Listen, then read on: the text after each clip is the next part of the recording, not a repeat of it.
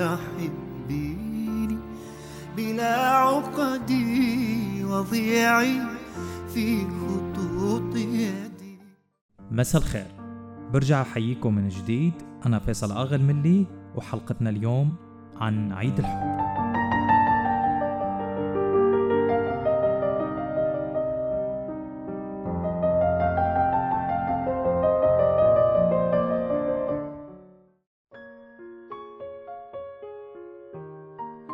شو قصة هالعيد؟ وهل يا ترى في عيد للحب عن جد؟ خلونا نكتشف سوا.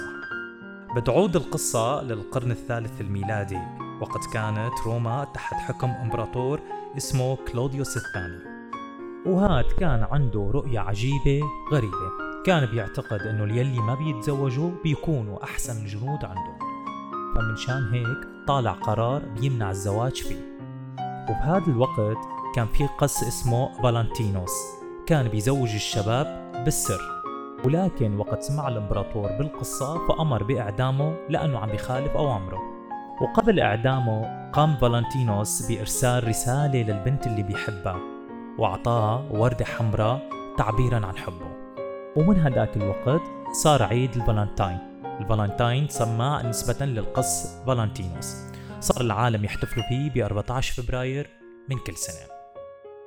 هلا بغض النظر إن كانت هالرواية مزبوطة ولا لا مو مهم.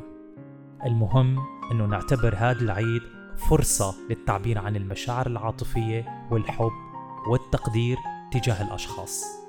ومو بالضرورة بين الحبيب والحبيبة أبدا إنما كمان بين الأخوة والأقارب والأصدقاء والجار.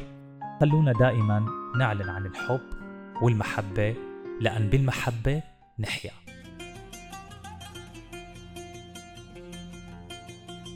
والأهم مثل ما قال الكبير جبران خليل جبران الحب ليس كلمة تنطق باللسان بل هو معنى يعيش في القلب ويتجلى في الأفعال